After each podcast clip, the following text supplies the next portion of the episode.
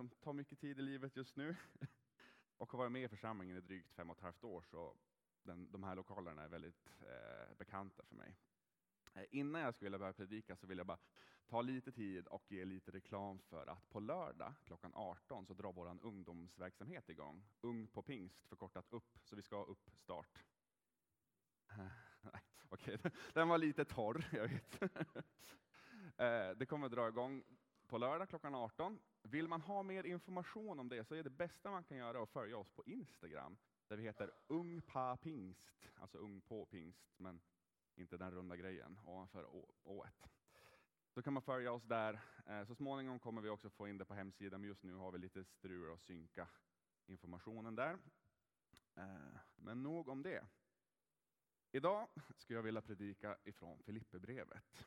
Eh, det är ett brev som är skrivet av en kille, aposteln Paulus, och är skrivet till församlingen som fanns i Filippi. Eh, och det tros faktiskt vara den första församlingen som Paulus grundade när han var på sin andra missionsresa, då han för första gången satte sin fot i Europa. Ehm, till skillnad från många av Paulus andra brev, om ni har läst något av hans brev, så präglas inte Filipperbrevet av att han är speciellt arg. Paulus har en tendens att vara ganska tillrättavisande och arg i sina brev. Eh, tipsa om Galaterbrevet där i slutet så pratar han lite ilskt om vad han vill göra. Men här till Filipperna så märker man att de har en jättebra relation. De är liksom glada, de har en bra relation, han tycker om dem. Han tycker om alla, men ja. Eh, och brevet präglas verkligen av en tacksamhet. Och innan vi läser ur Filipperbrevet så skulle jag bara vilja att vi ber tillsammans. Tack Gud för att du är här. Tack Gud för att du vill röra vid våra hjärtan. Jag ber Gud att vi ska få känna av din närvaro. Är det något som du vill tala in i våra liv så ber jag bara att vi ska få vara öppna för vad du har och vill säga till oss idag. Amen. Så vi ska läsa från Filipperbrevet kapitel 1, vers 27 till kapitel 2, vers 11. Texten kommer upp på väggen. Lev nu bara på ett sätt som är värdigt Kristi evangelium, så att jag, vare sig jag besöker er eller är någon annanstans, får höra om er att ni står fasta i en och samma anda, att ni sida vid sida kämpar för tron på evangeliet och aldrig någonsin låter er skrämmas av motståndarna. Det gör klart för dem att det ska gå under och ni räddas som en gåva från Gud. För ni har fått nåden att jag inte bara tro på Kristus utan också lida för hans skull. Ni har samma strid att utkämpa som ni såg att jag hade och hör att jag fortfarande har. Om det alltså finns tröst genom Kristus, uppmuntran från kärleken och gemenskap från Anden, om det finns ömhet och medkänsla, gör då min glädje fullkomlig genom att visa enighet. Lev i samma kärlek, eniga i tanke och sinnelag, fria från självhävdelse och fåfänga. Var ödmjuka och sätt andra högre än er själva. Tänk inte bara på ert eget bästa, utan också på andras.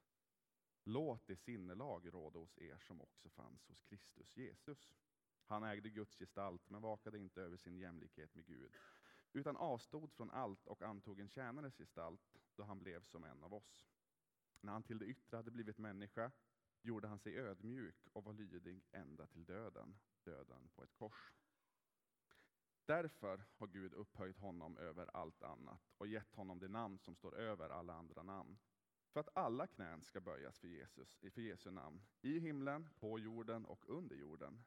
Och alla tungor bekänna att Jesus Kristus är Herre, Gud Fadern till ära. Och utifrån den här texten så skulle jag vilja måla upp en bild på hur jag tror att Gud har kallat oss till att vara och verka som kristna, som medmänniskor och som församling i det samhälle och land som vi idag lever i. Men kort innan dess så skulle jag bara vilja beröra lite grann, vad är, egentligen, alltså vad är kravet för att få vara en kristen? Eh, vad är liksom, ja men, vilket inträdesprov ska man ta för att få tillhöra Jesus? För att liksom få vara med i den här mänskligheten som Gud vill skapa. Och jag tror att Paulus berör det lite grann här i brevet till Filipperna. För det står i slutet av vers 28 att Filipperna har blivit räddade och att det är en gåva från Gud. Och vidare i vers 29 så står det att de har fått nåden att tro. Och man kan säga att nåd och gåva i det här sammanhanget är lite, lite samma sak. Det är alltså något som vi får utan att vi har förtjänat det. Så alltså räddningen som Gud ger till oss genom att Jesus dör för våran skull, för våra synder, för våra fel, för våra brister, för allt som vi har gjort dåligt. Den räddningen ger Gud oss gratis genom Jesu död. Och det är en gåva som vi kan få ta emot om vi vill. Paulus säger också att vi har fått nåden, alltså att vi har fått möjligheten att tro på Jesus. Det är alltså Gud själv som utgör grunden till att vi kan, liksom människorna i Filippi, tro och kalla oss kristna. Och det är väldigt viktigt att vi kommer ihåg att grunden till vår tro som vi står på, som vi bygger våra liv på, eh, är att vi har fått någonting gratis. Det är någonting som inte vi kan påverka. Och jag tror att många av oss kan ha lite, vi kan ha lite svårt att greppa det här. För vi är så vana, från tidig ålder så har vi sån stor möjlighet att påverka våra liv. Och den plattformen vi står på. För är du duktig i skolan till exempel, ja, men då är det lättare att komma in på det gymnasium du vill gå. Sköter du dig på gymnasiet snyggt så är det lättare att komma in på universitetet. Och för att sköter du det där så kan du få det jobb som du vill ha. Och sköter du det där så kanske du kan leva det liv som du verkligen känner att jo, men, det här livet vill jag leva. Och det är ju så att det funkar inte riktigt så med vår tro och för att få bli kristen. Och det är någonting som vi måste lära av oss. Vi är så vana att vi kan påverka våra liv. Men att bli räddad från Jesus och för att få kalla oss kristna och för att vi ska få tro på Gud, det beror helt och hållet på Jesus. Och ingen annan. Det enda som vi får bidra med är att säga ja eller nej till erbjudandet om att bli räddade. Så det här är alltså grunden för församlingen i Filippi. Det är också grunden för församlingen i Skellefteå. Och då kan man tänka, är det klart sen då, liksom när man har sagt ja till Gud? På sätt och vis ja, men verkligen ändå nej. Ehm, för det är ju nu det verkliga livet börjar ta form. Och utifrån den här grunden skulle jag vilja måla upp en bild från texten som jag tycker visar oss hur vi som församling idag ska leva. Och jag skulle visa på det genom att ge oss två uppmaningar från Paulus. Den första uppmaningen som Paulus skriver om är att vi som församling ska leva i samma kärlek, vi ska leva eniga i tanke och sinnelag. Jag skulle vilja stanna upp lite vid ordet sinnelag, för det är ett väldigt viktigt ord här i texten. Dels talas det om här att vi som gemenskap ska leva i samma sinnelag. Lite konstigt kanske. Men vi ser senare i vers 5 att vi ska ha samma sinnelag som Jesus. Wow. Men tillbaks till ordet sinnelag, vad betyder det egentligen? Finns det något annat ord som kan hjälpa oss att förstå det bättre? Eh, när jag gör som man gör, ni vet, googlar runt lite grann och kollar, så hittar jag några ord som jag ändå hjälpte mig i alla fall lite grann. Bland annat så kan man säga att själslig läggning, om man är lite filosofiskt lagd. Man kan prata om att ha samma sinnelag, att ha samma hjärta. Eller att man har samma karaktär. Och utifrån det tolkar jag det lite som att vi ska dra åt samma håll. Att vi står på samma grund, Jesus, och utifrån den grunden så ska vi som dra åt samma håll. Vi ska leva efter det exemplet som Jesus har gett oss. Och det är någonstans att vi ska ha samma sinnelag. Men om vi tittar lite mer vidare i texten, vad betyder det rent konkret att vi som församling ska ha samma sinnelag? Jo, till att börja med så betyder det att vi ska leva i samma kärlek. Och det är den kärlek som vi först får uppleva när vi tar emot Jesus i våra liv. Alltså den kärlek som Gud visar oss när han låter sin egen son dö för våran skull. För att han mer än allt annat vill rädda oss. Den kärlek som är villig att göra allt för att rädda mänskligheten, det är liksom inte bara vi här inne, utan han pratar om hela världen. Det är den kärleken som vi ska, låta, som vi ska leva i och som ska, vi ska låta prägla vårt, vårt liv här och den gemenskap som vi finns i. Och det kan vara svårt där att förstå att man är älskad även fast man har fått möta Jesus. Eh, men det, det är sant, det, det, kan vara svårt liksom att du kan ha levt med Gud i 10 år, 20 år, 30 år, men ändå kan du ha dagar då bara, men är jag, alltså är jag, är jag fortfarande älskad? Ehm. Men det är du, och det är sant, och vi måste hjälpa varandra att förstå det. Dels kan vi börja med att praktisera det här, att vi kan älska varandra. Och vi kan försöka reflektera den kärleken som vi får från Gud mot människorna runt omkring oss. Och vi kan säga det till varandra, påminna varandra om att du är älskad. Gud älskar dig. Den andra grejen som vi kan förklara för sinnelag, det är att vi ska vara eniga i tanke och sinnelag. Det betyder alltså att vi ska vara eniga i tanken, alltså att vi ska ha ett gemensamt sätt att tänka. Och med det här menas inte att vi ska tycka precis likadant i allting. Till exempel så tycker jag, som säkert många andra här inne, att Arsenal är världens bästa fotbollslag. Yes, yes. Kom igen. Um, och även om jag kanske tycker det, att alla borde tycka så. Jag kanske tycker att alla ni borde tycka så. Men uh, så är det ju inte. Det är inte rätt av mig att tänka så riktigt. För det är inte inom dessa frågor som jag tror att vi måste vara eniga. Inte heller vilken mat som är godast, vilket land som är bäst, vilket parti man ska rösta på. Nej, frågor som vi måste vara eniga om är till exempel att Jesus är världens frälsare, att ingen kan komma till Gud utan att gå genom honom. Att den kärlek som många av oss fått uppleva måste ges vidare till alla människor. För den är tillgänglig för alla människor. Och det finns många fler grejer som vi måste vara eniga om. Och det finns många grejer som vi inte måste vara eniga om. Tredje punkten är att vi ska vara fria från självhävdelse och fåfänga. Det betyder alltså att det inte ska finnas någon ibland oss som i första hand bara tänker på sig själv och utgå från sina egna intressen. För det får aldrig bli så att vi alltid i första hand alltid tänker på oss själva mer än vad vi tänker på andra. För blir vi så upptagna med det så riskerar vi att missa människor runt omkring oss. Missa chansen att hjälpa någon som behöver det, eller någon som behöver bli sedd. Vi riskerar också att bli så fulla av oss själva att vi kan missa vad Gud vill säga till oss. Och vad han vill göra i vårt liv. Och fjärde punkten. Tänk inte bara på ert eget bästa, utan också på andras. Går lite hand i hand med punkt nummer tre, men vi ska alltså lyfta blicken och försöka se människor runt omkring oss. Finns det något jag kan hjälpa till med för dig? Eller hur kan jag leva mitt liv så att andra också, så att jag får vara till hjälp för andra? ibland kanske man måste ställa sig frågan, har jag ens tid att hjälpa andra? Och ibland kanske man måste gå ännu djupare och undra, fråga sig själv, vill jag verkligen hjälpa någon annan? Och innan vi lämnar den här punkten så vill jag ändå bara lägga till en grej och kanske är det här en liten väl fri tolkning, ni får testa det själv.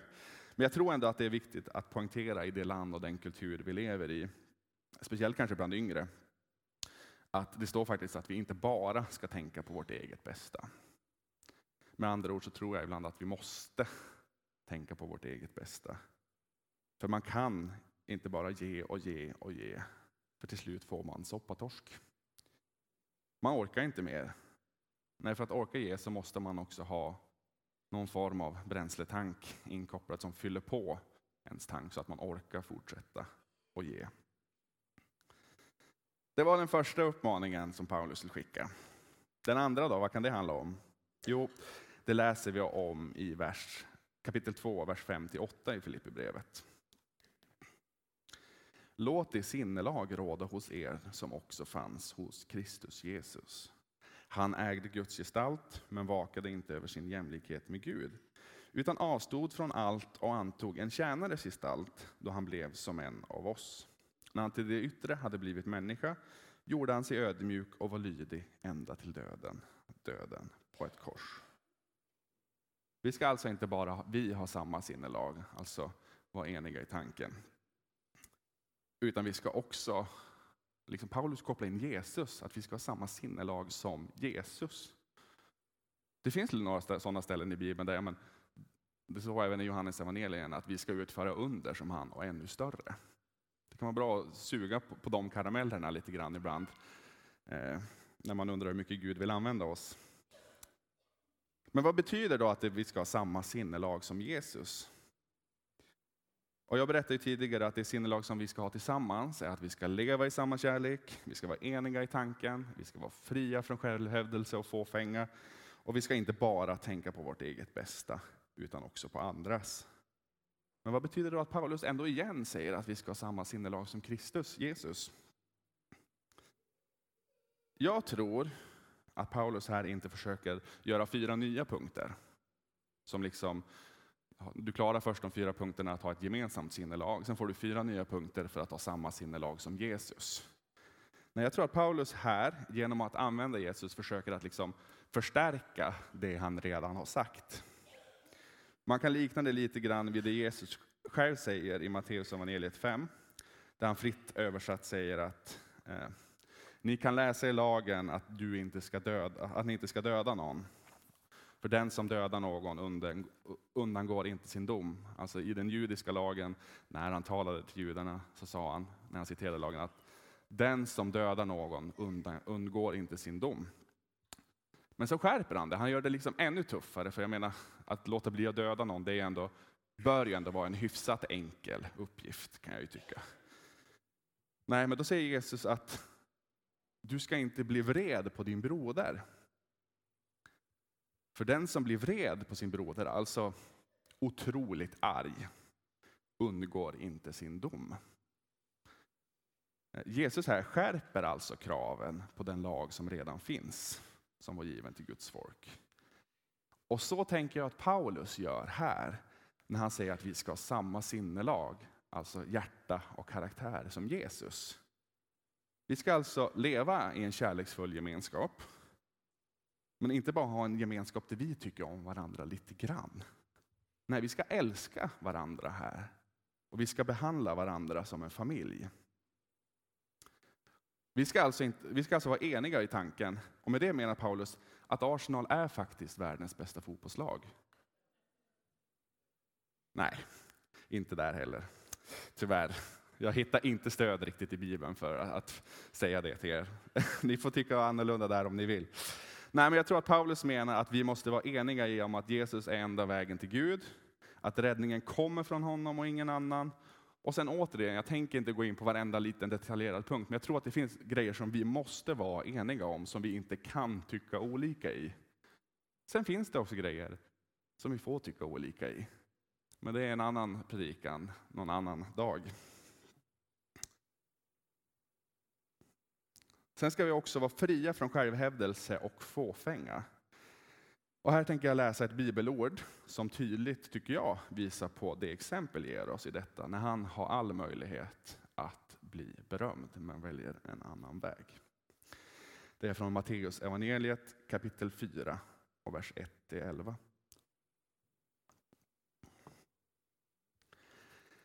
Sedan fördes Jesus av anden ut i öknen för att sättas på prov av djävulen. När han hade fastat i 40 dagar och 40 nätter blev han till slut hungrig. Då kom frestaren och sa till honom, om du är Guds son, så befall de här stenarna att bli bröd. Jesus sa, det står skrivet, människan ska inte leva bara av bröd, utan av varje ord som utgår från Guds mun. Sen tog djävulen honom med sig till den heliga staden och ställde honom högst uppe på tempelmuren och sa, om du är Guds son, så kasta dig ner. Det står ju skrivet, han ska befalla sina änglar och de ska bära dig på sina händer, så att du inte stöter foten mot någon sten. Jesus sa till honom, det står också skrivet, du ska inte sätta Herren, din Gud, på prov. Nu tog djävulen honom med sig upp på ett mycket högt berg och visade honom alla riken i världen och deras härlighet och sa, allt detta ska jag ge dig om du faller ner och tillber mig.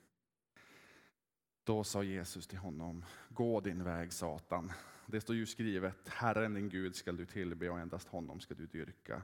då lät djävulen honom vara och änglarna kom fram och betjänade honom. Så när, vi, när Paulus skriver att vi ska ha samma sinnelag som Jesus och med det menas att vi ska vara fria från självhävdelse, att vi inte ska berömma oss, kan vi alltid gå och kolla på hur Jesus gjorde när han hade chansen, för han var Guds son. Han hade egentligen all rätt att förvandla bröd, eh, stenarna till bröd. Han hade all rätt att liksom lyfta upp sig själv, men han valde att bli ödmjuk och peka på Gud.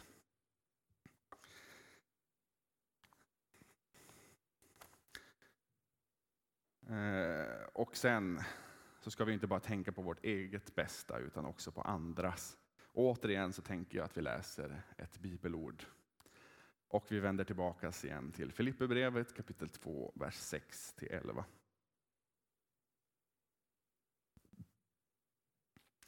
Han ägde Guds gestalt men vakade inte över sin jämlikhet med Gud utan avstod från allt och antog en tjänares gestalt då han blev som en av oss. När han till det yttre hade blivit människa gjorde han sig ödmjuk och var lydig ända till döden, döden på ett kors. Därför har Gud upphöjt honom över allt annat och gett honom det namn som står över alla andra namn. För att alla knän ska böjas för Jesu namn i himlen, på jorden och under jorden. Och alla tungor bekänna att Jesus Kristus är Herre, Gud Fadern till ära. Jesus såg inte bara till sitt eget bästa när han valde att födas in till den här världen i ett smutsigt stall. Jesus såg verkligen inte till sitt eget bästa när han valde att umgås med människor som ingen annan ville umgås med.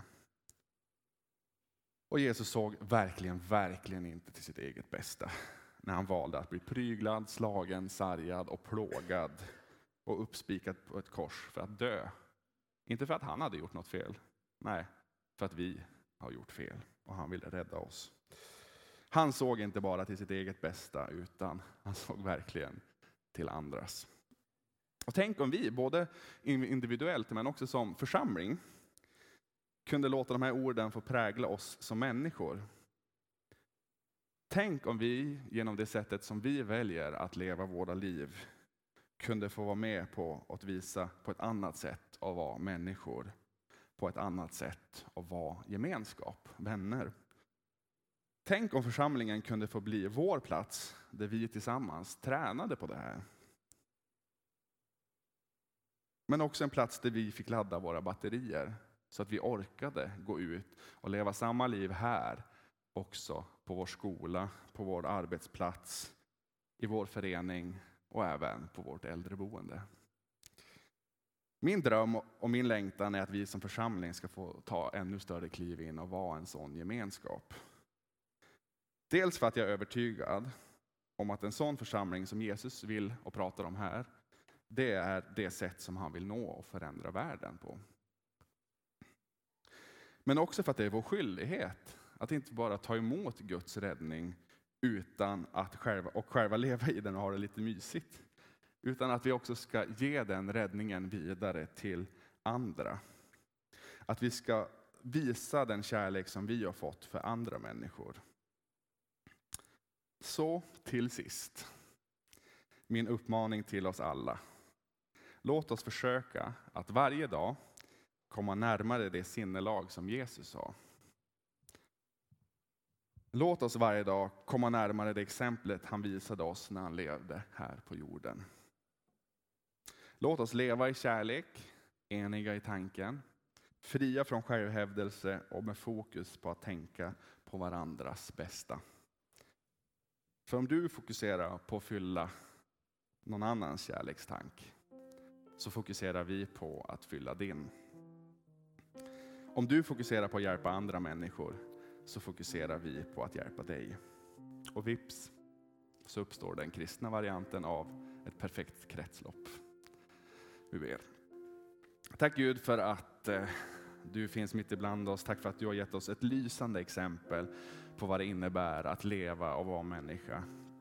Tack Gud för att du dog för oss, för att du har rättat oss, för att du har gjort allting för att vi ska få komma hem till dig. Och jag ber att vi ska bli så påverkade av det att vi känner att vi vill ge det vidare till de människorna som finns runt omkring oss i den, det sammanhang som vi finns i. Jag ber att vi ska få vara en församling som blir präglad av att vi vill leva i kärlek, vi vill vara eniga i tanken, fria från självhävdelse och att vi inte bara ska få tänka på vårt eget bästa utan också på andra. Jag ber om kraft och styrka att leva i det. Jag ber om vishet att förstå, förstå dina ord och din kärlek till oss. Amen.